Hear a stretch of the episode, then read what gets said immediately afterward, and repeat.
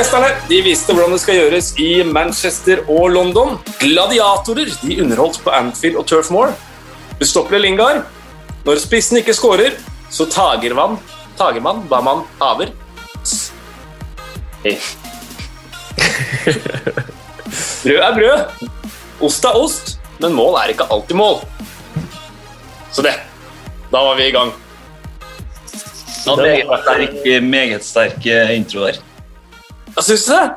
Ja, så jeg syns det var så verst, spesielt den eh, Havertz. Ja, ja det, jeg var egentlig sånn, det er jeg litt fornøyd med. Jeg er enig, enig i det. Uh, Endre Olav Osnes fra El Clásico og mye annet, men uh, bra helg. Ja, det var bra helg. Noe for, uh, noe for alle. Så nå er jeg klar for uh, litt Premier League-prat igjen. Jeg kjenner jeg er ordentlig klar faktisk for å, for å være med på podkast i dag. Det regner jeg med at du er også, Kasper? Veldig. Veldig hyggelig å se så mange eh, morratryner. Morratryner Ja, ok, ja. Litt klokka er ikke morgen, men dere ser jaggu ut som klokka er eh, kvart over, kvart over seks om morgenen. Det som, er, det som er, er, og det har jeg prøvd å fortelle folk, eh, sånn som når jeg kommenterer kamp klokka åtte i går kveld, så er det ikke vits at jeg er oppe og piker klokka sju om morgenen. Det er ikke da jeg skal ha formtoppen min. Så dette her handler om intensitetsstyring, så at det her er tidlig for meg, syns jeg er helt ok. I kveld skal jeg kommentere kamp klokka sju, og det er da, det er da jeg skal pike, Kasper. Og du, det er nå du skal pike, André Olav. Jeg må faktisk. Ja, ja. Men Per Atle, altså jeg vet at du er glad i å være med her, men jeg vet at høydepunktet ditt det kommer litt senere i dag. Det gjør jo det. Jeg skal jo en tur til Liverpool og prate litt med, med Bruce Grobelar, så det blir jo, blir jo interessant. Høre hva han har å si før eh, Liverpool-Real Madrid på, på onsdag, og også høre litt eh, hva han eh, syns om begivenhetene i helga, selvfølgelig. For det, var, det er nok å snakke om fra, fra helga òg. Og til mitt forsvar da, så er jeg trøtt fordi jeg er en time før dere. Men jeg tenkte egentlig mer på at høydepunktet skulle komme etter det igjen, jeg, da. Ja, selvfølgelig. Ja, Frisørtimen, ja. ja. ja. Men det, nå, jo, nå, begynner det å åpne litt eh, borti England, så frisørene har jo åpna, så det bestilte meg time til i kveld. og Da skal den manken her, som har grodd fritt siden starten av desember, den skal av, bort, fortrenges og forkastes, og det, det gleder jeg meg vanvittig til. Når er det vi får se sluttresultatet på TV?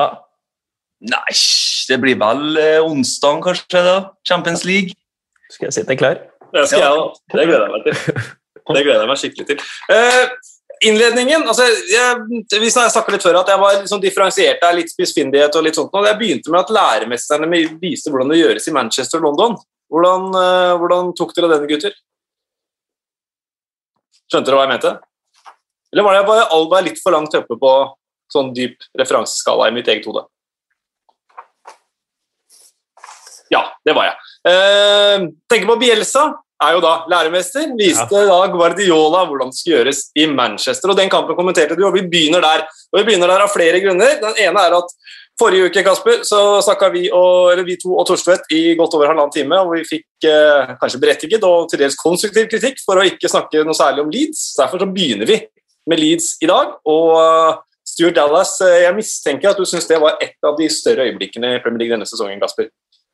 Ja, i liksom mangel av uh, store øyeblikk som jeg syns sånn generelt er det. Alt er veldig flatt uten uh, fans og alt sånt. Så, så syns jeg faktisk at det der var, uh, var veldig gøy. Men nå er jeg jo en søkker for sånne ting, jeg, da. og Stuart Dallas det, det var liksom fra, fra Aljoske, fra Nord-Makedonia til Nord-Irland, liksom til de høyeste, høyeste tinder der, mot hvis du ser, hvis du ser det Leeds-laget, og det er litt sånn som Sheffield United forrige sesong altså Det er så mange spillere som har hatt en sånn lang reise dit de har kommet. da. Eh, og, og, og, og, selvfølgelig også, også der Bielsa, at de viser helt ny side av seg selv. De kan forsvare seg, alle mulige mann. Og Leeds er jo historisk også aller best når de kan være alene mot verden og med ryggen mot veggen. Eh, så det var, det var på en måte sånn en, en sånn Leeds-seier også, da, hvor det, var, hvor det var dem mot resten av verden. Én mann mindre mot ligalederen, mot Pep Guardiola, mot alt, liksom. Og så sto de mot Så klarte de jaggu meg å finne vinnermålet også. Det syns jeg var fryktelig uh, morsomt, rett og slett. Ja, for det var uh, Leeds vant jo 2-1 etter å ha blitt redusert til ti mann. De ble redusert til ti mann riktignok når de leda 1-0, men Manchester City kom tilbake. De vant til 2-1. Stuart Dallas med begge målene. Jeg så Trond Liheim han retweeta en Leeds-tweet der. Uh, Leeds med ti mann. De gikk uh, full spiker i angrep i 91. minutt og vant mot det beste laget i ligaen. Jeg vil aldri mer høre om Leeds som burn-out. Jeg, bare for ta det, jeg så den, det, er litt, det er litt forskjellige ting òg. Vi har sett at Leeds over tid eh, kanskje kan slite med det. og Vi så jo også de resultatene de fikk i vinter. og Så fikk de en tidagers opphold, og så plutselig kom resultatene tilbake igjen. Men det er jo en grunn til at han trener så hardt, eh, disse spillerne sine. Og det er jo fordi at i 90 minutter i en sånn kamp, eh, så, eh, så er, det ingen som kan matche dem på fysikken omtrent. Og du så jo det, Det var jo det de gjorde med Manchester City. De, de lot Manchester City få bokse på dem i, i 85 minutter mens de sto eh, med ryggen i, i tauene. Eh, og så, eh, når de endelig kom seg ut fra hjørnet, så, så de kunne skåra flere. De hadde tre store muligheter der til å skåre på, på slutten, minst. og der fikk de betalt for, for den murderballen som de spiller en gang i uka. Jeg hørte på podkast med Pontus Jansen at de, de drives knallhardt hver eneste dag fysisk, uansett hvordan kampprogrammet er. Eh, og det er akkurat i sånne kamper så det her hvor de får betalt for det. da. Altså er det, jo, det, er jo, deilig å se, for Bielsa har jo hatt altså, mot angripe som bøfler. da. og bøfler det er jo liksom, det er det dyret som, som tar flest jegere. da, fordi, fordi de kontrer på, på de som angriper dem. da. det er egentlig ganske sånn fantastisk sånn flokk. Så det var veldig sånn beskrivende òg, når de blir kjørt kanskje på det meste. Så begynner de å kontre, da. Um, så det var um, det er fett, fett uh, å se. Og Også, hvis jeg tar to ord om Calvin Phillips også, eh, det han, eh, det han, leverer der i, i ankerrollen Det reisen han egentlig har hatt til å bli en Premier League-spiller og landslagsspiller for, for Leeds, lokale, lokale gutten, han spilte nesten i tier på børsen. Altså. Og se å vinne ballen på egen 11-meter, og så pang, setter i gang en kontring. Man nesten ser Rafinha på blank på ett touch. Uh, og med Declan Rice skadd, så kunne jo ikke Gareth Southgate fått en bedre nyhet enn at Calvin Phillips dominerer på den måten som han gjør uh, som, uh, som anker i matchen. Mm. Hva med City? da? Nå er, de, er det 11 poeng foran. De har én kamp mer spilt. Uh, du spurte vel Ole Gunnar Solskjær Peratle, om det var en tittelrest. Da fikk du latter til svar. Det er vel, eh, det er vel Og jeg får latter respons av Kasper her også, så noen tittelrest har vi ikke. Og det er mer en fartsdump enn noe annet dette her for City. Ja, Solskjær sa jo at det har skjedd større mirakler, det har han sikkert rett i, men uh, det her er nok bare en fartsdump for, for City. og Det var litt det laget de stiller, og du ser at det bærer preg av at de skal ut i i en kvartfinale i Champions League til, til uka. Selvfølgelig, Det tar ikke noe bort fra den prestasjonen Leeds leverer, men uh, jeg tror City har ganske god kontroll på det her, og de har også et ganske overkommelig kampprogram uh, ut, uh, ut, sesongen her, så, så det her er nok i det her ender nok i den lyseblå delen av Manchester. Åtte poeng forsprang hvis, hvis United vinner vinner hengekampen sin, og det, det blir nok for mye. Det gjør nok det. Sist Leeds vant tre strake Premier League-matcher. Er det noen som kan huske når det var? Starten av 2000-tallet, da de drev og kjempa om Champions League-plasser og sånn, eh, tenker jeg. 2002-2004. Ja, hvis du hadde droppa fire og sagt tre, så hadde det vært helt riktig. Terry, under Terry Venables eh, som manager. Altså før de var ute og herja i Champions League. Så det sier litt om eh, historiske perspektivet. Og så er det en annen ting. Det er altså kun eh, det fjerde nyopprykkede laget til å slå en serieleder borte eh, de siste eh, årene. Ipswich gjorde dem mot Der var jeg. Mot, ja, eh, Norwich leda ja, ligger med åtte, åtte, poeng til, til, til jul der i 92. Lokalderby mot Ipswich. Og så tapte Norwich 2-0, og begge måla, hvis jeg ikke husker helt feil, det andre er hvert Jason Dossell rett foran trynet mitt. Satt i den ene svingen der. og den eh, sesongen der tapte Norwich to hjemmekamper hele sesongen. Det var de to kampene jeg vant. Nå spilte jeg deg på blank, Kasper. Nå spilte jeg deg på blank. Det var stort, faktisk. Der var jeg. uh, ok. Uh, det var en uh, Det var en eh, andre, andre læremester og eleven eh, jeg tenkte på. Det skjedde på Tottenham Hotspur Stadium. Eh, det skal ikke mer enn en uke tilbake i tid for å finne linja. Hva, hva prater jeg om? Hva er, det er litt sånn påske... Ikke på, hva heter det? Påskekrim? Nei, Påskereisen, hva det er for noe. Jeg skal slutte å bry meg så veldig mye om min egen intro, men jeg bare fikk lyst til å sjekke om dere var med på den dype der òg. Ikke nå heller. Nei, for Greenwood han hedda jo inn en uh, match. Ja, Kavani og Greenwood, det tenkte jeg på. Det så det faktisk. Slags stupheading. Ja. Mm. Så viste, sendte eh, eleven en pasning til læremesteren som viste hvordan man stupheader. En, eh, en sånn klassisk stupheading som ofte får fram Vi ser det ikke så ofte lenger, og vi gjør jo ikke det. Men vi har vel egentlig aldri sett det så ofte. Så det er ikke hverdagspost. Men han har gjort det flere ganger. Det er ikke ja, ja. første gang han gjør denne sesongen. Han, skal, han, skal, han, må berømmes eh, for det dyriske instinktet igjen. Eh, og hele pakka, auraen eh, han har rundt seg, Kavani. Så jeg skulle egentlig ønske han, han ble, men det ser jo ikke ut til det. Men det, det er jo ingen som veit, kanskje?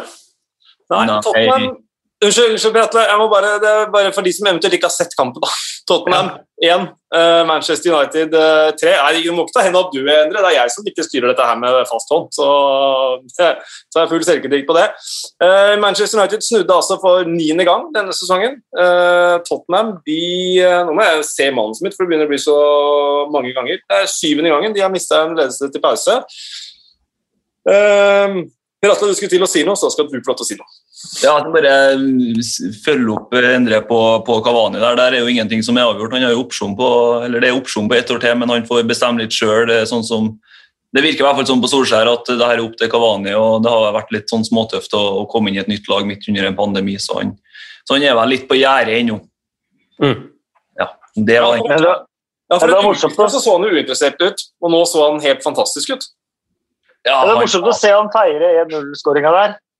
Eh, hvor han hadde satt den, eh, den første Fred satte inn eh, returen. og Måten han feira den skåringa, viste hvor mye dette her betyr for i hvert fall å vise seg fram ut denne sesongen. da. Ja, og måten han feira sin egen skåring og ikke minst måten mm. han feira Fred sin skåring på. Han blir sittende på gresset etter å ha avslutta. Øh, helt, det var det jeg snakka om. Helt uh, i uh, Å ja, men jeg tenkte på den Å ja, fordi vi, elefanten i rommet her er jo den annullerte skåringen. Uh, han feira jo den brukbart òg. Uh, jeg trodde det var den du snakka om. Nei, jeg snakka om Fred sin 1-1. Ja. Hvem uh, vil snakke om den annullerte skåringen til Manchester United, når mål ikke var mål allikevel? Ja, jeg Ingen hvis, man, hvis man legger til side om det var korrekt annullert eller ikke, da, så er jo det Uansett om det var korrekt avgjørelse eller ikke, så er dette her det som er feilen med, med VAR. Det er jo det at man man mister øyeblikket, og man mister øyeblikkets magi, og man mister spontanitet. Man mister alt. Man kan aldri feire en scoring 100% sikkert lenger før avspark. Man feirer avspark! Det er det man har begynt med. Man kan knytte den 'yes' når avsparket blir tatt. Det ble scoring, liksom. Eh, det er det fotball. Det er det fotballen har blitt redusert til, og det er jo veldig synd. Og og, og, jeg tror det manifesterer seg senere i matchen. Jeg tviler på at alle Manchester United-supportere rundt omkring jubler hemningsløst for Fred sin skåring. Jeg tipper det var veldig mange Manchester United-supportere da Fred satt inn 1-1, som jubla veldig avmålt. Eh, med tanke på om det var skåring eller, eh, eller, ikke, selv om det var en perfectly good goal. Og, og så ser jeg hvem som syns at skåringen ble korrekt annullert, og hvem som syns at skåringen ikke skulle blitt annullert, at det ikke er en forseelse. Det er fotballfolk, fotballspillere, eh, fotballfans, de fleste andre. De mener at den skåringen skulle stått. Og så har du dommere og, og, andre som mener at dette er en korrekt eh, annullering. Og det er litt det, det, er litt det VAR liksom er, føler jeg. Det er eh, Roberto eh, Rossetti og Colina og, og, og dommere som på en måte vil ha alle millimetere i spillet helt riktig. For de tenker at fotball er til for at eh, eh, alle regler skal følges. For fotballspillere og for fans og for oss, alle oss andre så er det jo fotballspillet som er det viktigste. Og så er det veldig viktig med dommere. Dommere er ekstremt viktige, men de er kun til for at fotballen skal kunne fungere. Det er fotballen som er i sentrum her. Det er jo eh, fotballen eh, vi elsker å skulle følge. Det er jo ikke dommerne eller eh, de fantastiske eh, eller alle regler blir fulgt til enhver tid. Det er fotball. Og sånn sett så er jo dommerne måte katalysatorer for at det skal bli bra. da. Men hvis dømmingen blir hovedfokus, hvis det er dømmingen som liksom blir, blir greia, så er jo fotballen og fotballen blir en side, sideprosjekt i, i dømming, så, så, er fotballen ødelagt. på en måte. Eh, sånn, sånn, at, jeg registrerer at det er det, er det som er, det er, det som er, eh, er, svarene i, et, i etterkant av dette. Da. Ja, jeg er eh, helt, helt, enig med deg. Jeg husker uh, du VM uh, etter en landskamp uh, sa det er så deilig, liksom når, når, mål er mål, uten å utlevere deg altfor mye. Så er det jo det. Det er jo noe med, noe med det. at man bare kan slippe seg løs der og da. Og så er det er det et problem Jeg føler du er inne på det, Kasper, med rett og galt. Man tar liksom situasjoner ut av konteksten sin. Da. I, mm. i, I, denne konteksten her så er ikke det frispark uh, i konteksten uh, fotballkamp. Men hvis du bryter det ned, isolert sett, bare ser på den, zoomer inn, drar ja, sakte film, så, så, ser det jo ut som frispark. men jeg foretrekker fotball i den konteksten den står i, da ja, stiller meg fullt bak dere to. Eh, jeg også. Så de beste, de beste dommerne er dem du ikke, ikke prater om eh, etter kampen. Sant? Det er det som er en god dommer, hvis man, hvis man, ikke har noe å snakke om når det gjelder dommeren etter kampen. Um, og så er det her med VAR, da, som er clear and obvious. Um, som liksom er inne i, varereglementet. Seks ganger måtte Chris Cavanagh se på den situasjonen som var clear and obvious, for å finne ut at den var clear and obvious. Da. Så det, ja, det blir for mye, det blir for mye vræl for min del også med, med mer opplegget der, så Nei, ja, det, er nettopp, og det er nettopp det som piratene sier her. Det, er jo ikke, det, det handler ikke om clear and obvious i det hele tatt lenger Eller Det handler om subjektive vurderinger ja. hele veien. Eh, og Det gjør at det ikke går an å finne en, en, grense på hva som er feil, og hva som er rett, og hva som skal tas og hva som ikke skal tas. Det er like subjektivt som de avgjørelsene som tidligere ble tatt på gressmatta av en dommer. Og Det er det også når man sier at ting blir mer rettferdig. Eh, ta et helt tenkt, ikke søkt eksempel i hele tatt i denne kampen her, da.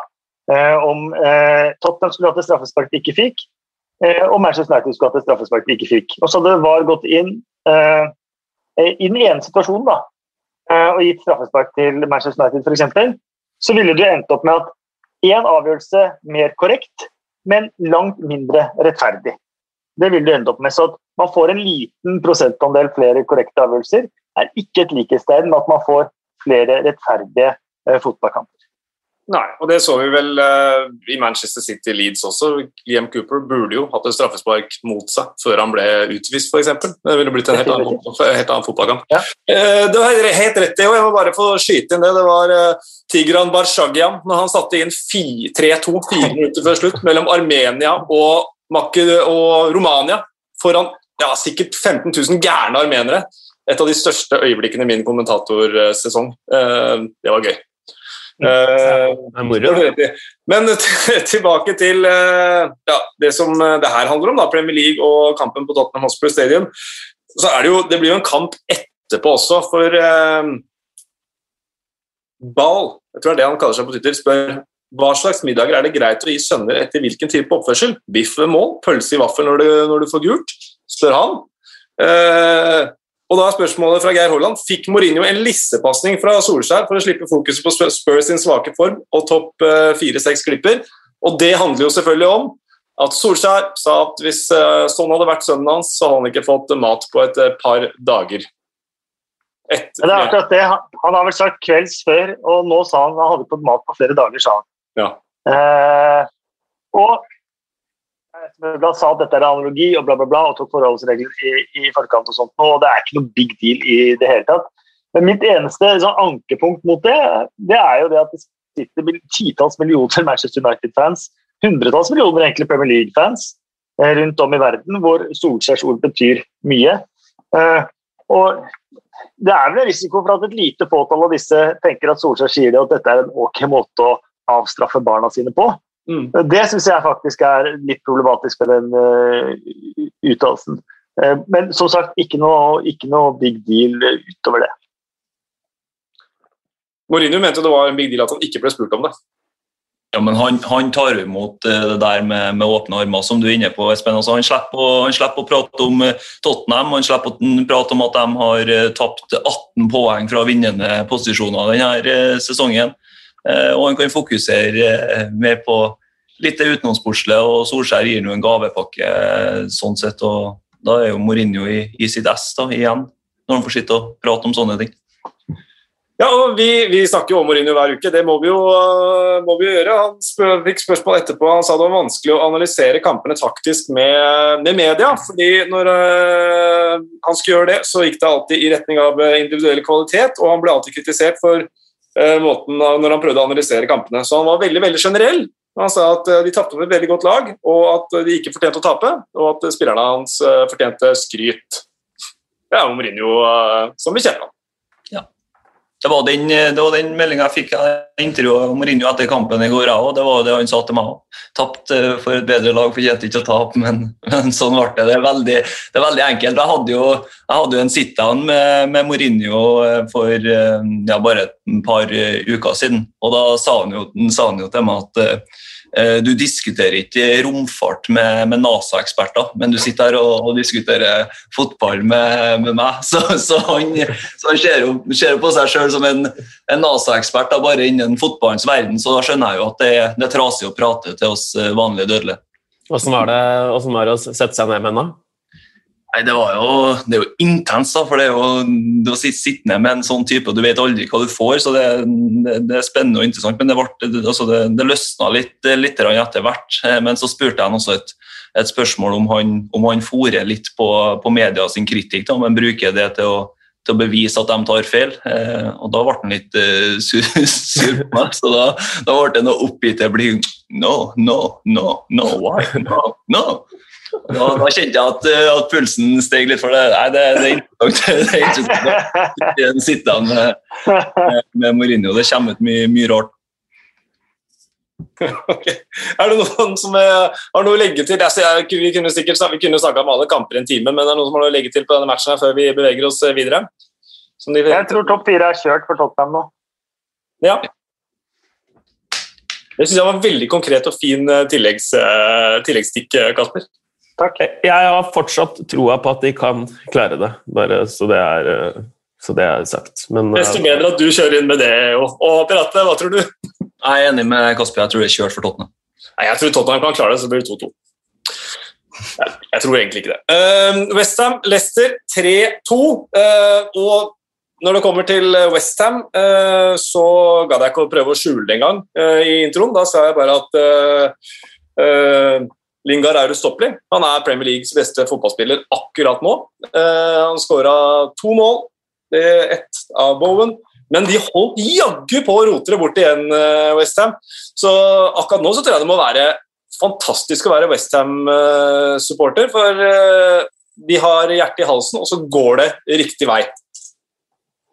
Ja, det er, det er jo helt vilt nå. Nå har de leda 3-0 tre tre kamper etter hverandre. Første endte 3-3, og de to andre har de så vidt klart å dra i land en 3-2-seier. Eh, så det er i hvert fall ikke et kjedelig lag å se på. Så er jeg imponert uh, over um, at de er såpass gode uten Michael Antonio og Declan Rice.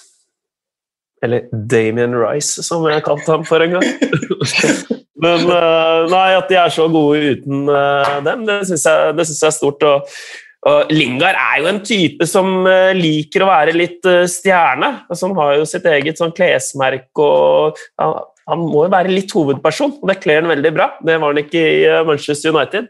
Men det viser ham at han kan være i Westham, og at det bare fyrer han opp. Så moro, moro å se.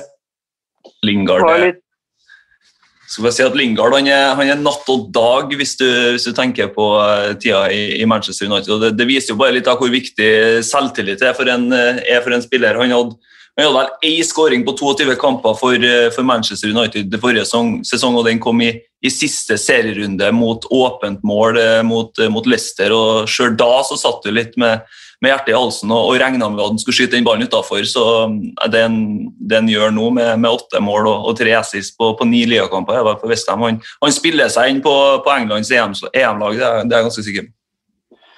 Og der, Det er jo et godt Q eh, for det, det som var eh, på den andre sida der, med eh, Harvey Barnes, som er riktignok eh, skadd, men Chaudhry, Ayose Perez og James Madison, som Eh, jeg fikk ikke helt med meg hva de gjort, i hvert fall brutt koronaprotokollen. Eh, og måtte sitte hjemme mens Leicester spilte mot eh, Westham. Og Lingard er jo han var ikke, på en måte ikke en utfordrer til James Madisons plass på landslaget for noen måneder siden. Men det er han definitivt nå. Gary Southgate på tribuna. Jesse Lingard herjer foran Southgate, mens Madison sitter hjemme og skammer seg. Jeg tror eh, det må ha gjort utrolig vondt for, eh, for Madison. og Det spøker veldig for den EM-plassen hans, uh, dessverre, får jeg for jeg liker han eh, veldig godt. Um, men jeg må jo gi masse masse ros til Brendan Rogers for å være så prinsippfast som han, mm. som han er. Vi har sett andre managere utallige ganger ta en annen variant fordi de vet at dette kan jeg lide for selv sportslig.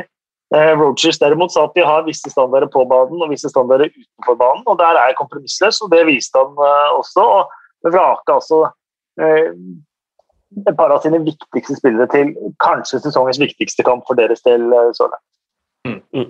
Og det kan jo, bli, kan jo bli en knalldyr fest de har på guttene. for Det er jo det ryktene sier, at de har vært på en, tatt seg en tatt seg en fest, og den kan bli fryktelig dyr. For nå, nå er Leicester eh, plutselig inn i den eh, altså den, den topp fire-kampen der, eller topp tre-kampen, nå er jo vidåpen. Eh, og de, de, poengene der, de, de, kan koste mye, mye for Lester før sesongslutt. Så er det liksom det med Jason Addison. Han har ikke så veldig godt forhold til Gareth Southgate fra før, virker det som også. Det tok lang tid før han fikk noe som helst muligheter, selv om hele England sto og og prøvde å slå James Addison inn på, på, på landslaget. Og så meldte han jo det til forfallet fordi han var sjuk, og da dro han på kasino. Og Det gjorde nok ingenting for å bedre forholdet til, til Southgate. Så på tross av hvor god Madison har vært, så har han én landskamp. Eh, og dette skulle jo være EM-et til Madison, men så har jo Grealish kommet, Mount har kommet, Foden har kommet, og nå også Jesse Lingard. Men Det betyr at dette er en konkurranse som kan, antageligvis kommer James Madison til å tape den konkurransen. Eh, og da har denne, denne koronafesten vært med på det. Det er jo fryktelig synd for han. Ja, ja, synd, ja, du sa synd for han, ja. ja ikke mm. på han. Jo, men det er jo det òg, herregud. Er det, er, det, er det, synd på han hvis han tar seg en fest? Unge gutter eh, det her som det. Eh, må koble av de òg. Så er det jo selvfølgelig utrolig dumt, dumt gjort. Så jeg forsvarer jo ikke det, men, men, det er jo ganske menneskelig å gjøre feil. Da. Det var jo som Brendan Rogers sa, det her, er jo ikke, altså, det her er jo gode gutter. Det er jo snille gutter som eh, tar et dårlig valg, og det gjør jo vi, vi alle. Det er bare at vi ikke spiller i Premier League og blir merket til. Enig i det, men spørsmålet må stilles opp. Jeg er helt enig med, med Andrea, men samtidig så er jeg litt der at uh, ja, det er snille gutter, men, men gjør, gjør, du feil, så, så, må du betale for det. det, det jeg syns ikke, ikke, det er synd på han heller. Når du, når du, gjør feil, så må du bare leksa, ta lekser og så, og så lære. Liksom, og så, sånn er det. Sånn er det. Ja, sorry. Jeg er enig med alle, jeg. Ja, ja, ja. Men det vi kan være helt, uh, helt enige om, er at uh, tror jeg da, håper jeg, er at, er at uh, For det første, veldig gøy med Declan Rice, som ikke fikk med seg 3-0, for han var på vei ut og bare Oi, det ble mål igjen! Og veldig gøy at Mr. Westham, Mark Noble, nå har spilt to minus ti minutter kanongode matcher etter at Declan Rice ble skada. Han har vært veldig, veldig god her i den 400. Premier League-kampen for Westham. Samme klubb, da, for en ja. klubbmann. Og ett år igjen av kontrakten der. Tenk om han skal få avslutte den uh, ute i Europa. Det hadde vært rørende. Ja, jeg er helt enig. Jeg sa jo etterpå at han var veldig, veldig stolt, og at det hadde vært uh, tough times. Og det har vært mange av dem, som han ja. sa.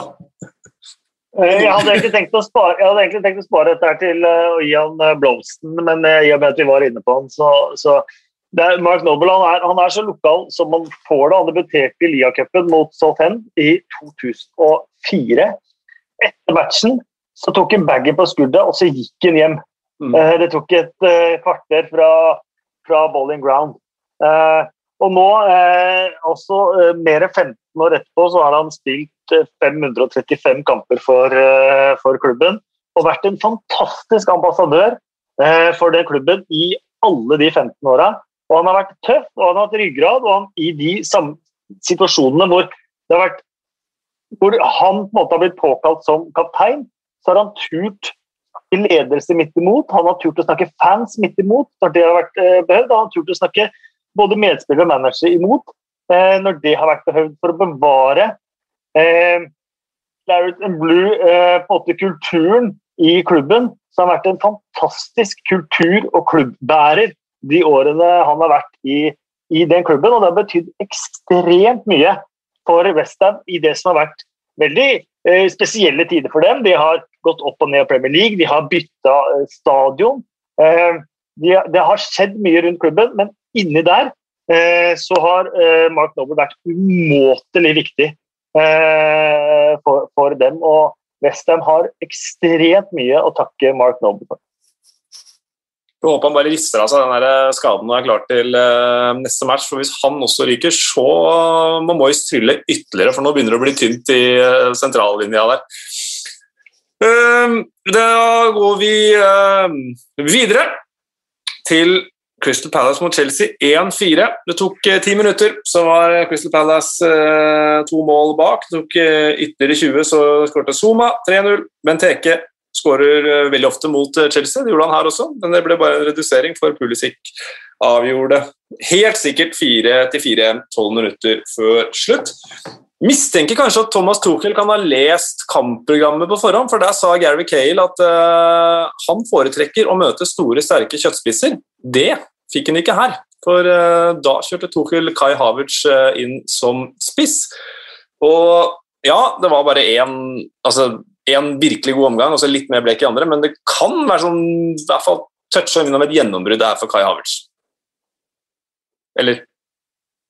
Jo, han, han, gjør jo Uh, det, ja, det, er sikkert flere her som er bedre skikket enn meg til å uttale seg om, uh, om det, men uh, basert på det jeg så fra ham, den, den kampen der, så, så, er det vel det best, beste jeg har sett fra ham. og Det er synd at han faktisk ikke scorer på den hvor han vipper den over en motspiller, og så skyter. Det er litt sånn der, det hadde, føler jeg hadde vært litt sånn Bergkamp-moment, da, hvis den hadde gått inn. Så han har finesse. Um, trenger litt selvtillit, uh, men uh, det kler han litt, den der spissrollen der òg. Mm. Er det noen som har lyst til å legge til, eller greie ut? Kommenterte ikke du matchen? Nei, det er jo, det er, det er jo vi reiste til West Bromwich 2-5. Eh, meget sterkt mot eh, Porto vant 2-0. 4-1 eh, her har Porto igjen. Det var vel egentlig det som var greia etter West Bromwich, så bare la det være en liten trykkfeil og så bare kjøre på videre. Det ser ut som de klarer fint. Og en semifinale mot Manchester City nå ganske straks, også etter Porto. Mm. Jeg, tror, jeg, tror, også at Thomas Tuchel kommer til å få, få skikk på de der tyske, tyske spillerne. Han kommer til å få skikk på Havertz, han kommer til å få skikk på Werner og også og Pulisic, for eksempel, som også har spilt i, i, i Tyskland. Jeg tror Tucher han, han, skjønner litt måten deres å, å spille på, hvordan han skal få, få maks ut av dem. og Den Havertz du, du så, så, i går, det var jo litt Nei, mot, mot, mot Palace, det var jo litt den den, den halvveis man, man, så i Leverkusen også. Han, eh, da dominerte han jo totalt og var helt, helt fantastisk. og Det var grunnen til at, han, eh, at Chelsea brukte 740 millioner på han eh, og gjorde han til tidenes dyreste eh, tysker. så at han kommer til å våkne under, under ny manager, det, det, det, er jeg rimelig trygg på. Jeg tror, jeg tror de, de, tyske eh, offensive til, til, Chelsea blir fryktelig skumle neste sesong. Mm. Ja, det var, nok, var vel eh, ikke helt tilfeldig kanskje når Thomas Tuchel ble ledig på markedet, når du har den Bundesliga-banden på topp, at, eh, at man benytta seg av muligheten til å, til å hente han. Eh, Espen Tangstad spør om det var tilfeldig at det løsnet offensivt mot Palace med Werner på benken. Jeg er tilbøyelig til å si ja, litt tilfeldig. Uh, at uh, det løsnet. Jeg tror Tuchel kommer til å uh, variere en god del, men den som kommer til å spille, det, uansett, det er Mason Mount. Ja, det var det jeg vil si. på Anfield der eh, tok Aston Villa ledelsen. Ollie Watkins. Det var ikke stort keeperspill av eh, mannen med den fete barten som var borte. Eh, men så snudde Liverpool det. Mohammed Salah med scoring og Trent Alexander Arnold på overtid. Eh, og da kommer gladiatorreferansen. Jeg vet ikke om dere har sett Sopranos, eh, gutter? Har dere det? Nei, da skal jeg ikke dra videre på Ralph Cifaretto-referanser, og noe sånt, men han var veldig glad i filmen eh, Kan ikke du gjøre det masse? Jo, jeg skal gjøre det. Men han var veldig glad i filmen, han var veldig glad i filmen 'Gladiator'. Og det mistenker jeg at Trint Alexander Arnold har også. Jeg vet ikke om dere så tweeten hans etterpå? Ja. Are You Not Entertained? Og det er jo fra den filmen når uh, Russell Crowe banker livskiten, ut av en haug med andre gladiatorer og stopper Var det Are You Not Entertained? Var dette her bra nok? Det er jo det han sier, Clint Alexander Arnold, og det er jo retta mot mannen på tribunen og alle som kritiserer ham, sånn som jeg tolker det. Absolutt. Gary Sarkin var på tribunen der også, i uh, sixpence. Ja. Uh, han har jo dratt de motegreiene, og halve England skulle jo ha sånne vest uh, i 2016. Men, uh, men jeg kjører full Peaky Blinders på tribunen der. Det syns jeg, var, det synes jeg var å dra den i overkant langt. Altså. Er litt fett, da. Ja, jeg er helt enig. Enormt fett. men Trent Alexander Arnold, det har jo vært litt av noen dager etter at han ble vraka. da Eh, superrasisten og, og sånn sist gang, og så eh, kjempetabbe mot Real Madrid og generelt dårlig kamp, og så eh, dette her nå.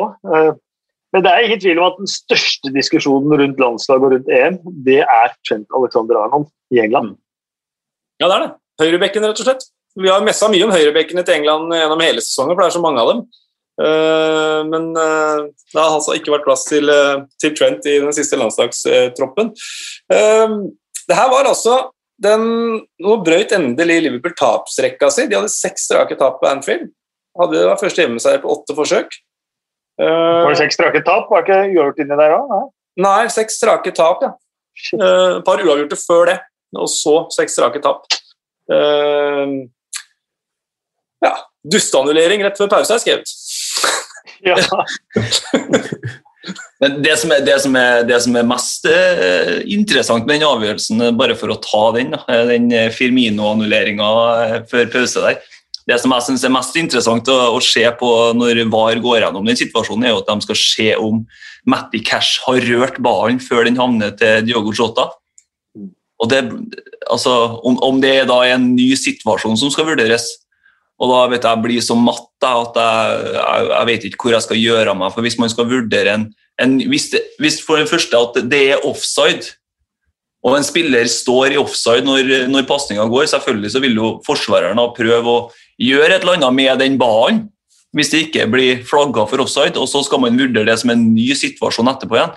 Jeg, jeg, vet, jeg blir helt kokt i kålen av eh, alt de skal vurdere og ta med. og nei, men det er jo det, da. Vi har gått fra ja, Dommerne de skal ha hovedfokus på dømming, og dømming er det viktigste i fotballen. Dømming er åpenbart det er viktigere enn mål, og det er viktigere enn driblinger, det er viktigere enn luker, det er viktigere enn alt. Det er dømming.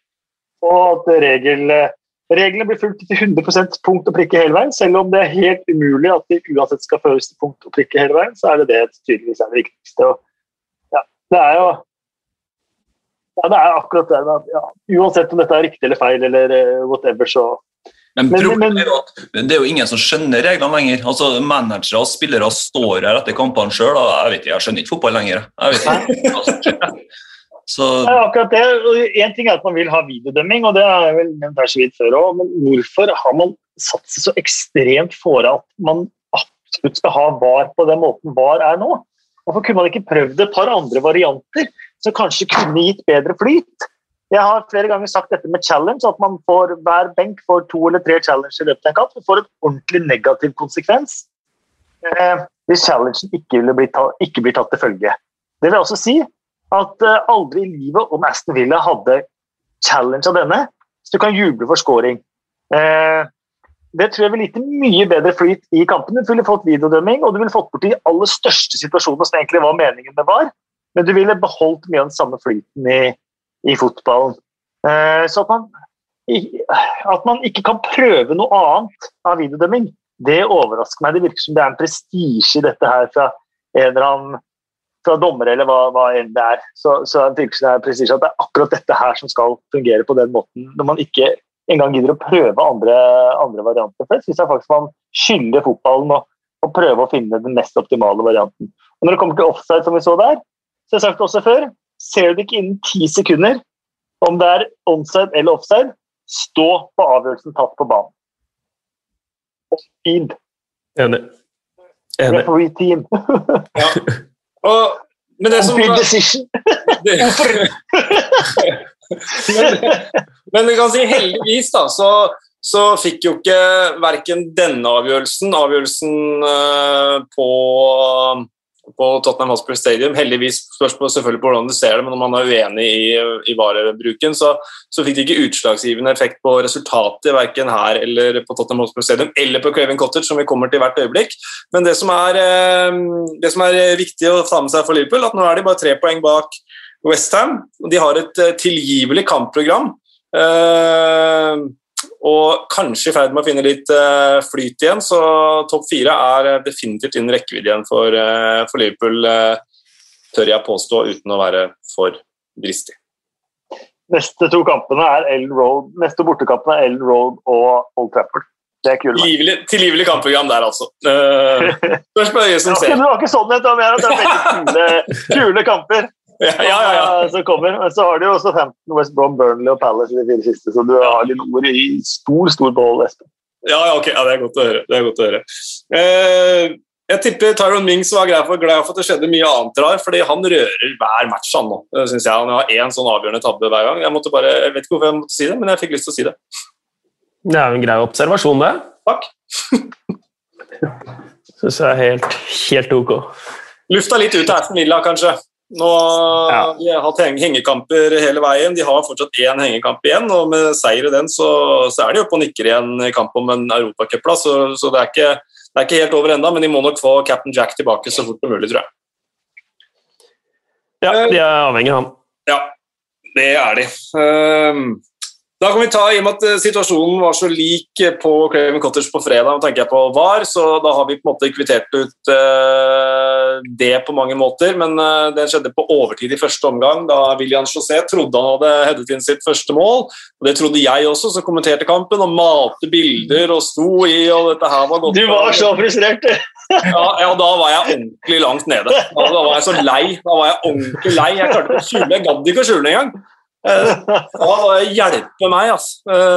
Men, men eh, samme, det, det, er ikke hva mine, mine observasjoner spiller for så vidt ikke så stor rolle. Det, det, gjør det ikke, men, men de, altså, jeg vil ikke si ja, Wolverhampton-fans vil sikkert si at rettferdigheten seiret. Jeg veit at litt offside er offside, bla, bla. Okay. Men på overtid, Adama Traoré, jeg fikk spørsmål her. Er Espen mest gira på å kommentere Adama Traoré enn alle andre spillere i Premier League? Ja, jeg tror kanskje både du og jeg EO, er veldig glad i å kommentere Adama Traoré. Ja, du er, du er, vel hakket mer glad i Ademola Luckman igjen. Ja, ja, ja, det stemmer. Han var ikke med. og min ubestridte favoritt er Berechi Heze.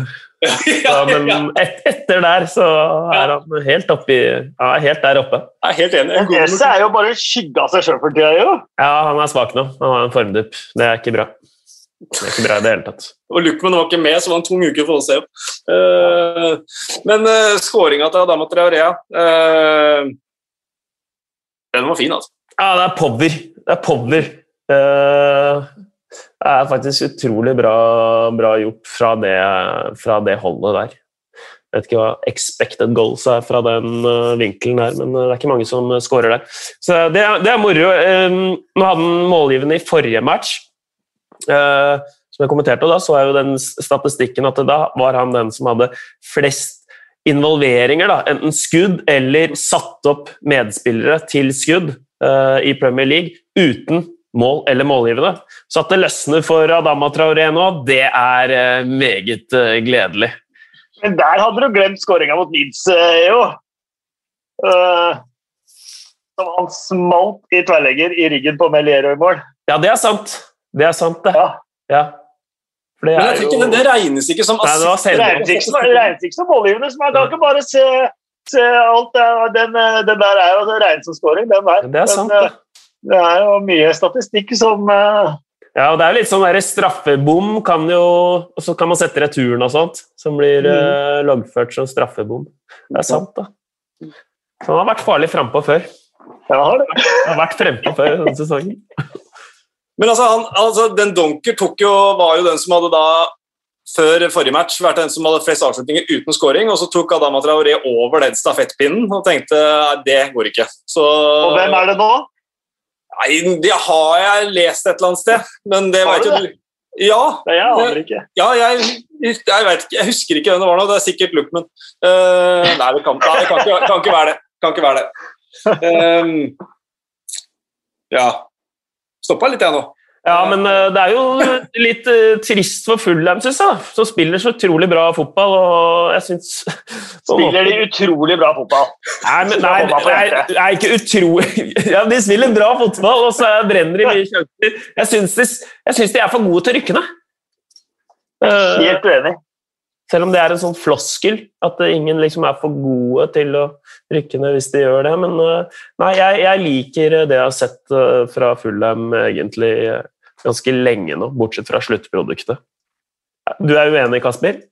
Jeg er klin uenig. Jeg syns de spiller akkurat sånn som lag som rykker ned spillere. De er eh, enkelte gode glimt, og det er fordi at de er et brukbart lag som er i Premier League. De har eh, god porsjon uflaks, og det har stort sett lag som er i motgang, som, som rykker ned. De har ofte marginer mot, men de har ingen spesielt gode målskårere. I hvert fall ikke på dette nivået. De har Nei, De har ingenting spesielt ved seg som gjør at jeg syns de er eh, bedre enn uh, tabellposisjon. Men jeg kan være enig i at det kan diskuteres hvem som eh, er best eller verst av dem og Newcastle. men eh, Vi kommer til Newcastle-kampen, men for meg denne runden her så var dette de to mest signifikante resultatene i Premier League og de to viktigste kampene i Premier League denne helga. Det var tapet til Fulham og seieren til, til Newcastle.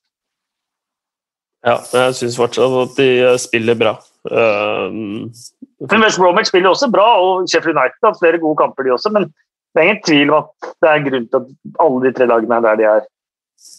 Er grunn. ja, ja, jeg mener hovedproblemet til Fulheim er bare effektiviteten. Da. Så hvis de hadde hatt én Men er det uflaks, eller er det ferdigheter? Det er jo begge deler. Nei, men det er jo ferdigheter, selvfølgelig. Men um, fram til uh, det som skjer mellom de to 16-meterne, syns jeg har vært veldig opple og oppløftende.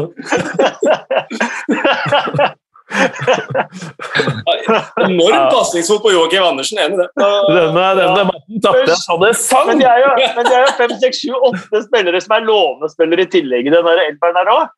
Så det er liksom ikke egne produkter, egne spillere engang omtrent, som, som, som gjør jobben for dem heller. Og Joakim Andersen òg er bare leiesoldat, og han kaptein og, og, og lagets bestemann. Wolverhampton, altså, ta litt bitte om ikke bare Traoré. Da. Han var vel inne på det under Spirito Santo at det er vanskelig for han å finne rom fordi feller han så mye. Men uh, mista nå Pedro Neto også. Det har vært en skadeplaga sesong for Wolverhampton. Altså, så det er, eh, tipper de er sikkert uh, Supporterne er nok skuffa, men jeg tror likevel det virker som det er såpass edruelig at man skjønner hvorfor det har blitt sånn da, uh, i, en, i en tøff sesong. Uh, så det virker ikke som det er noen sånn opprørsstemning, enten, selv om de ikke er i nærheten av der de har vært de siste to sesongene. at det er en mellomsesong. Tipper Wolverhampton er tilbake topp top ti neste sesong uten problem. Det er min ikke så vågale påstand. Takk. Den villeste brannfakkelen, uh, det der. Nei, det er ikke det. det, er, ikke det. Jeg, jeg, jeg er ikke så god på det, å være sånn, uh, være sånn kontroversiell. Jeg prøvde meg på en, uh, en brannfakkel i går òg, når jeg satt over til Jan Henrik. Uh, Jesse Lingard er den heteste i Premier League nå. Er ikke brannfakkel heller. Uh, det var én ting til jeg tenkte på her, uh, men det har jeg Jo! Uh, forferdelig av meg sjøl. Når kampen var ferdig, så så vet du snakker deg ut og sånn. Uh, du veit, sier jeg det er hvis de tre kommentatorer. Jeg vet at de aller fleste er ikke kommentatorer, men, men uh, se bildene. Ja, Så gliser Adama Traoré, og da sier jeg jepp, og i morgen så er det bla, bla, og da er jeg ferdig med resonnementet. Jeg kan ikke begynne igjen da, og da kommer bildet av Maru Limina som griner. og jeg bare... Da kan jeg ikke, kan jeg ikke starte igjen. Men jeg syns det var et fint bilde. og Du snakker om leiesoldater, ja, uh, Kasper, men det er jo tydeligvis leiesoldater som bryr seg. da. Det er jo viktig å ta med seg tenker jeg, for, uh, for Fulham-supporterne. Absolutt. Ja. Og Scott Parker oppsummerte det med at han sa at det var en veldig, veldig vond dag. Ja. Det gikk mot en veldig, veldig vond dag for uh, for Newcastle også. Førsteomgangen mot Burnley. Da var de tilbake til eh, gamle synder uh, vis-à-vis den gode kampen mot uh, Tottenham. Vidra skåret 1-0, men i andre omgang så skred Jacob Murphy fram, og St. Maximin, ikke minst, som kom inn fra benken. Og der var den andre gladiatorreferansen. ikke sant? Han ble kalt for San Maximus av Paul Merson. Det var, ja, ikke sant? Bla, bla. per Atle, hva syns du om den kampen? Jeg, jeg, vil høre fra deg òg, jeg. Men, uh, ja, når, det, når det er kommentatorprat, så da må jeg bare ja, ja, ja, Det eneste jeg kommenterer, jeg fikk kommentere Kasakhstan i ja! League. Altså, det er faktisk yes.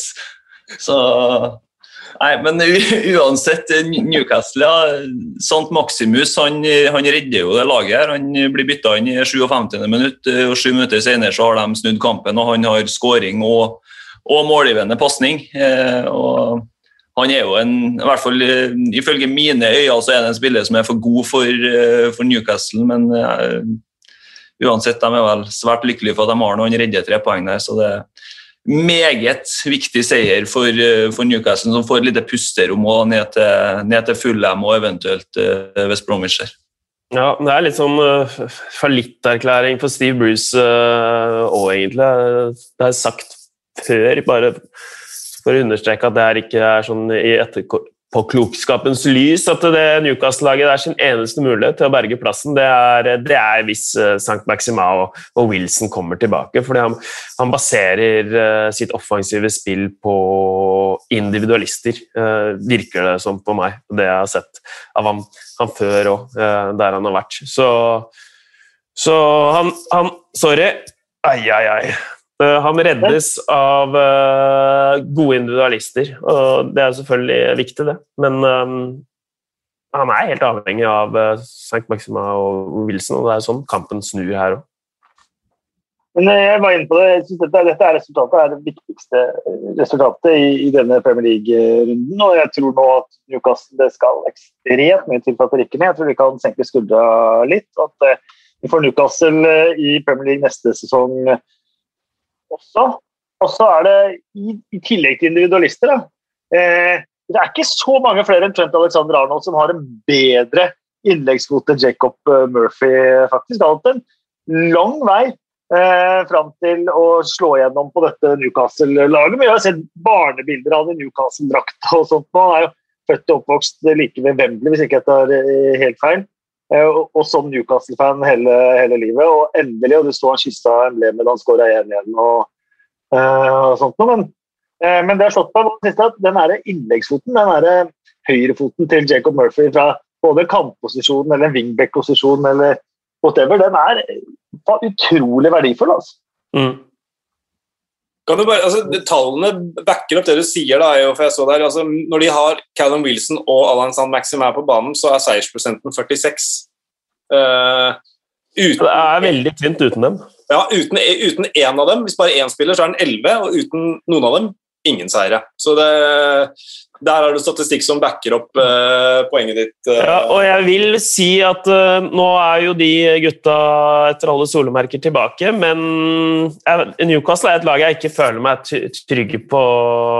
Jeg er enig at det er veldig definerende, Kasper, men når man ser de har en litt tøff terminliste. nå, som har i Westham, Liverpool, Arsenal, Leicester, City altså, og de har Fulham i siste kamp, så det kan jo potensielt uh, sett bli en finale på tampen der, da. Ja. Det er det vi alle håper på.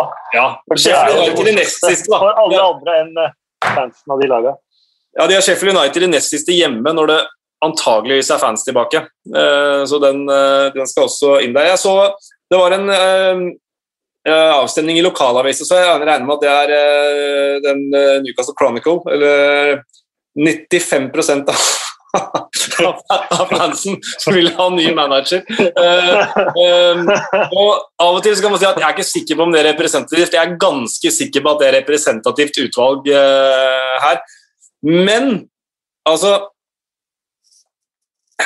Hva skal til? Altså Etter den helgen her, hva skal til for at Newcastle-supporterne bare Yes! Det her var en god helg. Hvis ikke det her var en god helg. Altså sånn, I denne konteksten vi er i nå, da, da burde man jo være glad den helga her.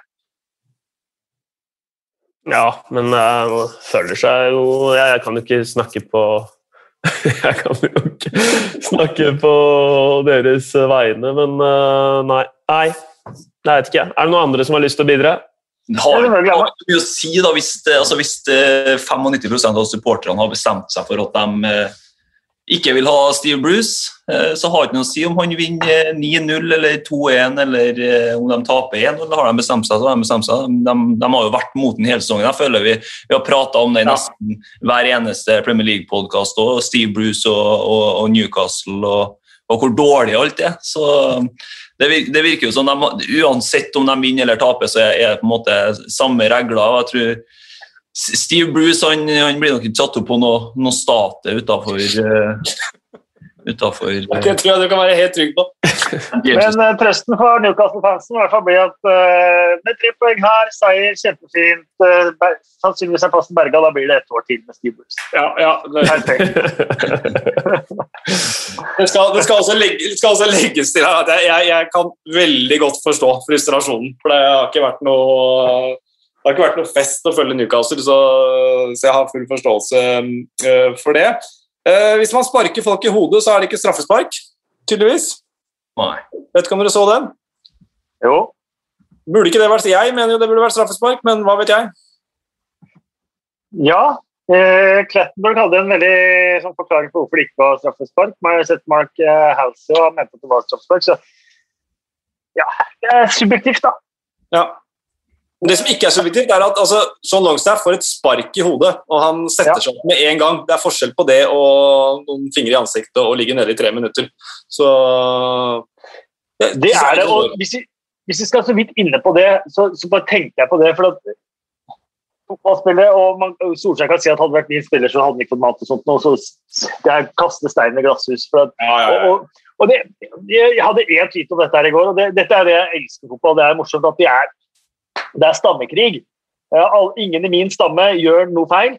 Alle i alle andre stammer de gjør noe feil hele tiden.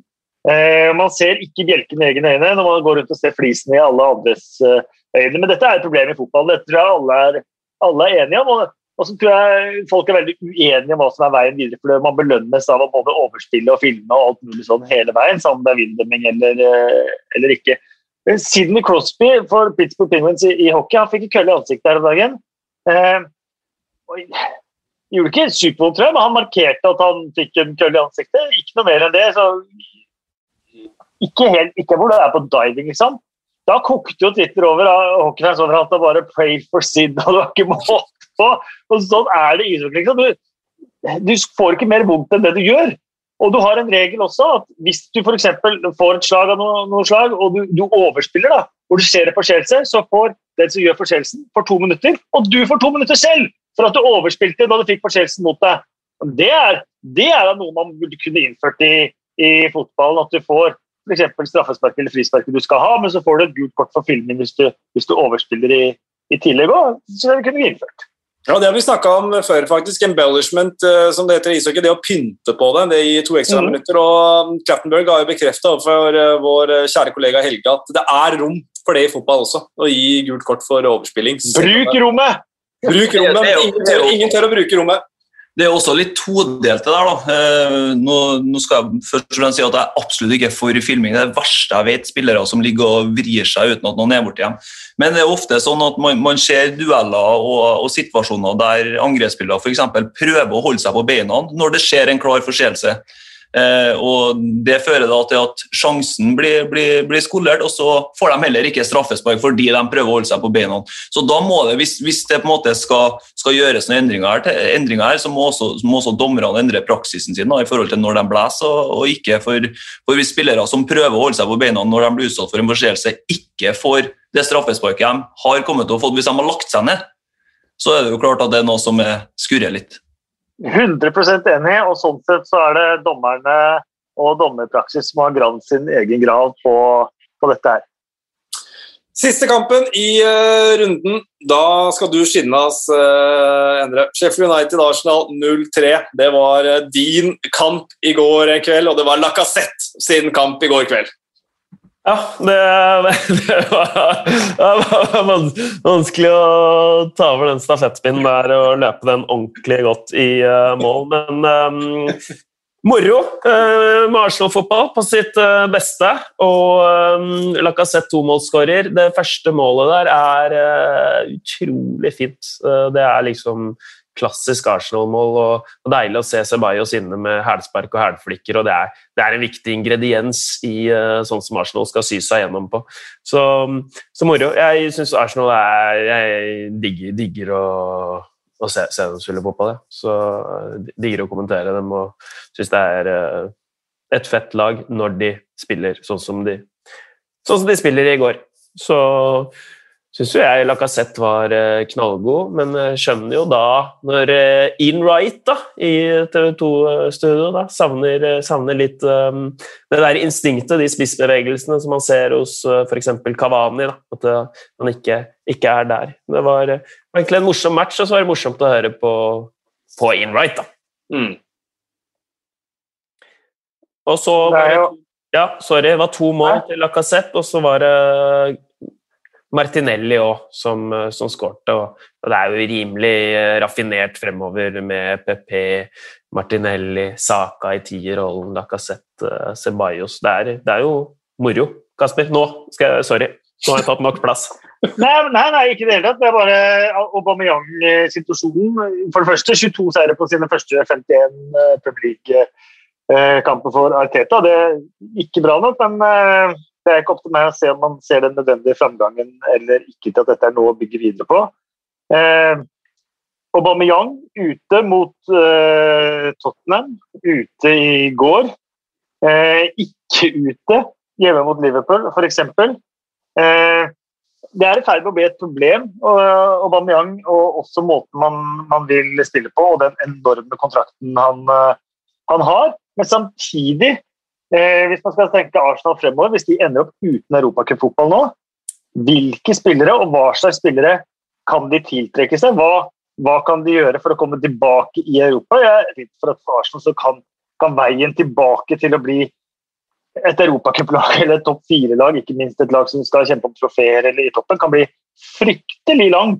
Eh, eh, og hvordan man skal løse det, det, det, vet ikke jeg. Men uansett så burde i hvert fall ligaen nå settes på litt pause og absolutt alle kluter til mot Slavia Praha og videre i Europaligaen. For det er nesten der framtida til Arsenal vinner. De må vinne Europaligaen denne sesongen. Ja, og det, er det jeg tror Det er det, det, jeg tror egentlig Derfor jeg vil gjerne se an det laguttaket der på torsdag. For nå kom han inn, eh, Aubameyang eh, mot Slavia Praha og var god sammen med PP. Ja.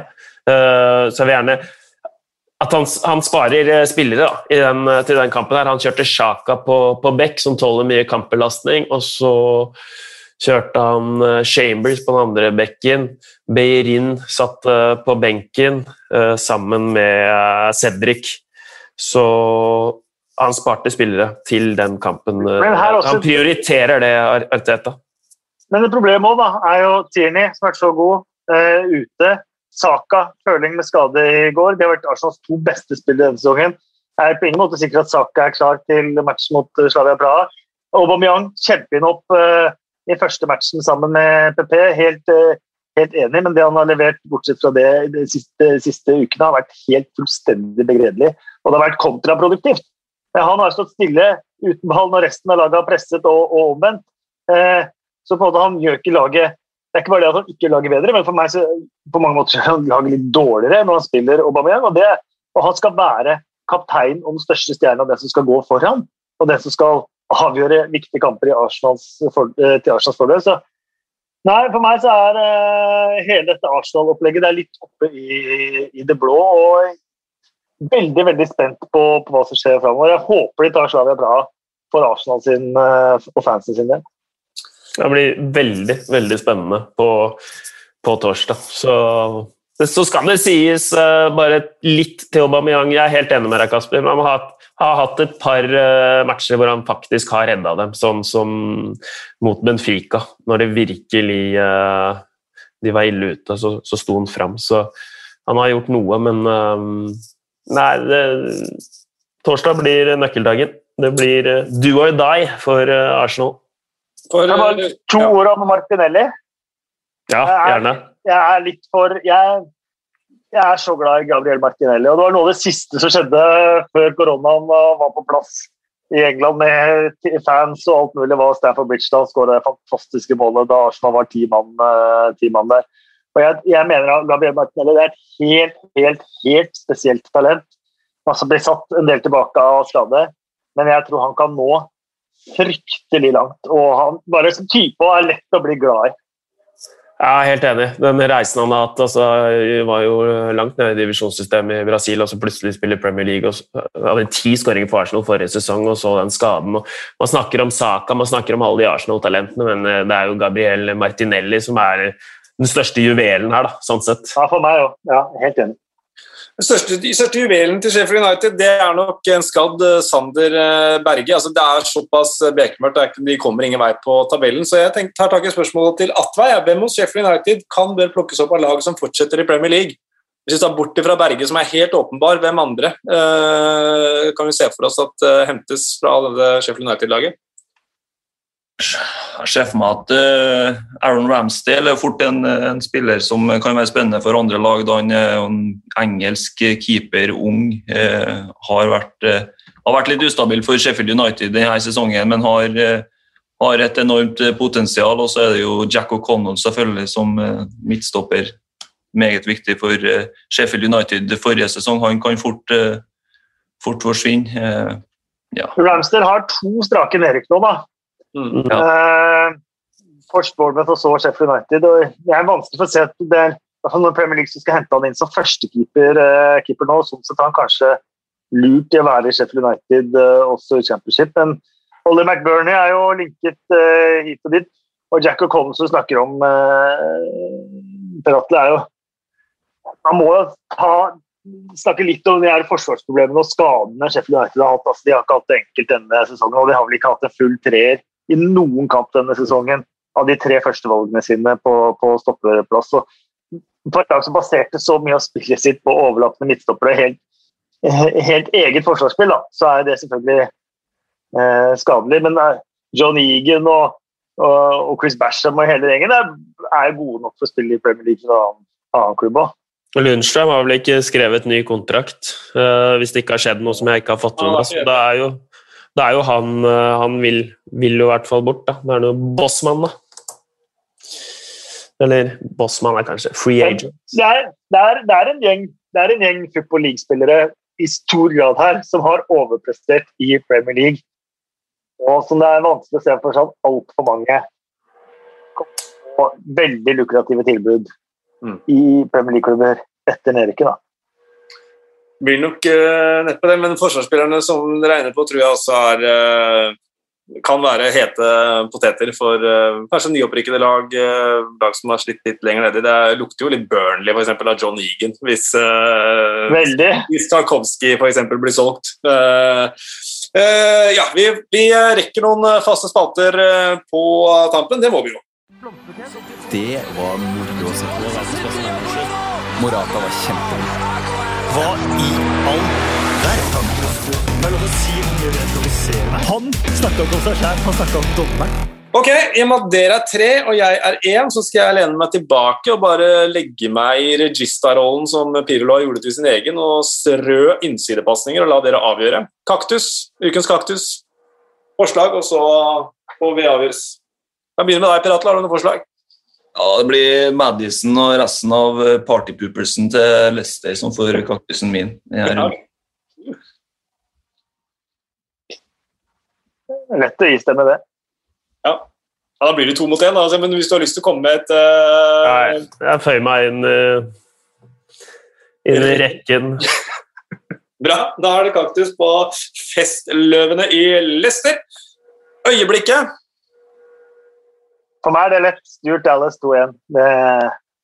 Jeg syns det var et enormt øyeblikk. For, for meg kanskje det største øyeblikket hele, hele sesongen. Ja, det ble, det ble mitt øyeblikk òg, men det er pga. deg, Kasper. Altså det, på, på tampen Her er Stuart Dallas! Altså det, det, går ikke an å ikke få gåsehud og sette seg litt frem på kanten når, når du begynner med det der. Så det ble Stuart Dallas til 2-1 her. Det, det, er mitt øyeblikk òg. Ja, det er jo et øyeblikk med Trent Alexander Arnold òg, for å si det, for å si det mildt. Da, men jeg er enig med, med Dallas. De angriper som bøfler, da. Jeg får hente opp igjen den. Det er et øyeblikk med Adama Treore også, som var angriper som en egen bøffelflokk. Men eh, jeg er helt enig. Og det var en veldig god invitasjon, Per Atle. Jeg syns det hørtes akkurat ut som Kasper på lørdag. Ja, kanskje jeg, skal, jeg kan gjøre meg litt på den eh, til neste gang. Jeg har litt ledig tid, sikkert, så prøver å gjøre det. Blomsten. Hvem får blomsten? Syns Mark Noble skal få den, jeg. Ja. Uh, Uten å komme da Kasper har jo spart på den, så nå stjeler jeg den, kanskje. Var det Blomstad hadde tenkt å gi han, Kasper? Det var blomster jeg tenkte å gi han, så da er det hyggelig at vi er eh, samstemte om eh, Mark Noble. Det er bra. Den ukjente helten. Da kan vi ta et forslag fra Kevin Madsen, sånn at jeg bidrar med noe, jeg også. Altså, eller Kevin Madsen bidrar, da, og jeg bidrar. Slår et slag for, for, Jacob Murphy som ukjente helt. Både han og broren sett på som store talenter som ikke fikk det til, men Jacob slår til, om Newcastle trenger det som mest. Ja, han har jo blitt spilt opp bra her uh, før òg, så, så, det syns jeg var et godt forslag. Enig. Enig. Det er jo, jeg skrev en blogg her uh, om sportsdirektøren til, uh, til Stuart Webber, og hvordan han gjorde et konkursbo, nedrykket konkursbo til et mønsterbruk, som er på vei opp i Premier League igjen. og der er jo Jacob Murphy, Josh Murphy, Tvillinggården, Alex Pritchard, James Madison alle spillerne som har kommet opp og blitt kjempegode i Norwich, har måttet selge alle underveis. og Det har jo ført til at klubben ikke gikk konkurs, i alle fall. Da. Men, og allikevel klart sportslig suksess uten dem. Men sånn sett har Jacob Murphy bidratt med, med veldig viktige ting også for, for klubben som, som fikk han uh, fram. Og så, og så, blir det sånn at Man følger alltid de spillerne godt etterpå. og Jacob Murphy har utlånt til Sheffield Wednesday, og Josh Murphy har blitt rykka ned fra Cardiff. og det har liksom ikke gått så bra. Så det er kjempegøy å se Jacob Murphy gjøre det bra nå, spesielt Man blir jo ikke se spillere fra egen klubb som blir solgt, så kysser klubbemblemet, men for Jacob Murphy så er det helt helt, helt naturlig at han uh, gjør det. så Han holdt Newcastle hele livet. Det er faktisk et fint øyeblikk å se. Det er ikke, det er ikke så mange spillere i Premier League som spiller for klubben de har elska hele sitt liv. Så, så, det er han vel unt, både at han har suksess med Newcastle og har slått gjennom og, og alt. Ja, Så kan det jo hende at Norwich rykker opp nå, da, så han får møte gamleklubben til neste år. Kan hende. Ja, og Jamal Lewis får bli, da. Det hadde ja. vært litt sånn. Om de bytta, bytta divisjon med Jamal Lewis, så, så det er en liten prosent inni meg hadde syntes det var litt artig. Ja. Kommende, kommende kamper. To i kveld. Eh, Brighton mot eh, Everton. Brighton kan ta et stort steg mot ny kontrakt. Everton må vinne for å henge med i eh, toppen. Hvordan tror du det ender, Per Atle? Brighton-Everton? Nei, jeg må gå for Everton, som er ja, fryktelig ustabil hjemme og så bedre borte. Så jeg tror Everton, Everton er ganske bra borte. for De tapte jo sist bortekamp, men det var mot Chelsea, og bortsett fra det så har de nesten ikke tapt på bortebane, så jeg holder en liten eh, knapp eh, på Everton. Og Så håper jeg samtidig at eh, Joshua King kan få noen minutter. Da. Han har hatt en litt sånn trå start på, på oppholdet der, egentlig. og jeg, jeg, spurte jo Carlo Angelotti om det på pressekonferansen før kampen, om det, hvorfor det ikke har blitt helt som forventa. Angelotti han, han, mente jo at det har litt med den formasjonsendringa som Everton har gjort siden, siden, Joshua King kom. De har jo lagt om fra, de hadde jo tre foran der, og nå har de lagt om til to. og da er det eh, Richarlison og Calvert Lewin har jo vært selvskreven på det laget, så det har jo gjort veien litt lenger for, eh, for King når det er én plass mindre å, å kjempe om. Men eh, forhåpentligvis så får vi litt mer av han på, på tampen av sesongen. Så er det West Bromwich Southampton, det er den andre kampen i kveld. Hvordan tror du det ender, Endre? Nei, Det er jo umulig å, å spå det òg, men uh, jeg, jeg, tror West Brom tar det. Mm. Og da kan de klare seg, eller Kasper? Nei, på ingen måte. det, blir, det, det blir nedrykk for uh, Sam Alardici, og det, Eh, de er ikke for gode til å rykke ned, de heller. Ok. Vi avslutter med noen, avslutter, avslutter med noen kjappe. Da mener vi kjappe som i enstavelsessvar. Eh, tatt den fra Jafrod på Twitter. Neste manager som forlater stillingen eller får sparken. José Mourinho. Jo. Um, nei, det blir jo Sam Allardyce, det, hvis de ikke uh, beholder plassen. Roy Hodgson. Roy Hodgson. Hvem klarer topp fire? Da ser jeg at Manchester United og Manchester City de tror jeg klarer det. Da tar vi de to siste plassene. Hvem tar de to siste plassene? Er på Chelsea. Det er skikkelig på kanten, men det lukter et lite sånn Leicester-strekk igjen. Mm. Jo. Westham og Liverpool. Per Atle? Westham og Liverpool. Jeg sier Chelsea og Liverpool. Ja, hva, ja. Mm. Jeg måtte bare få inn det. Beste engelske høyrebekk? Fem kjappe, husk det. Beste engelske høyrebekk? Reece James. Trent Alexander Arnold. Trent Alexander Arnold. Ok, nok. Det var eh, dagens eh, pod, det. Takk til Moderne Media, som har eh, hjulpet oss med å produsere denne her. Gå inn på Twitter, gi oss ris og ros, gi oss stjerner i eh, podkast-appen til Apple og alt sånt noe. Det var en ting, liten ting var jeg som lurte på kunne lage en elver av årets skuffelser og sånt. Jeg tenker Vi kan ha en del spesialer når sesongen er slutt, så vi kan gjerne ta imot forslag på det. Hva folk vil at vi eventuelt skal ta da. Men den der kan vi ta allerede neste, kan vi ikke det? Ja, kanskje det. Skildre det litt underveis. Det var et veldig godt forslag. Kjempegodt, eh, kjempegodt forslag. Eh, Så godt forslag, eh, Kasper, at jeg regner med at du er med igjen neste uke, siden du tente litt på den ideen. Hvis jeg får lov. Hvis du får lov, herregud. det- Du får da lov til å komme inn i et eget hus, gjør du ikke det? Selv om, noen andre leier det. Eller låner det, ikke leier det. Jeg betaler jo ikke så mye for det. Jo stort å ha deg med. Ja, Stort å få lov å figurere litt her. Per Atle, nå får du komme deg av gårde. Jeg vet du har dårlig tid, og jeg gleder meg enormt til å se resultatet fra avtalen du har i kveld. Du skulle la frisøren få frie tøyler, sa du? Frie tøyler, han får gjøre hva han vil så lenge han eh, tar av minst eh, halvparten, så er jeg fornøyd. da. Så det Det blir ikke så stort. Stort, det. Takk for følget, gutter. Herlig. Ha det.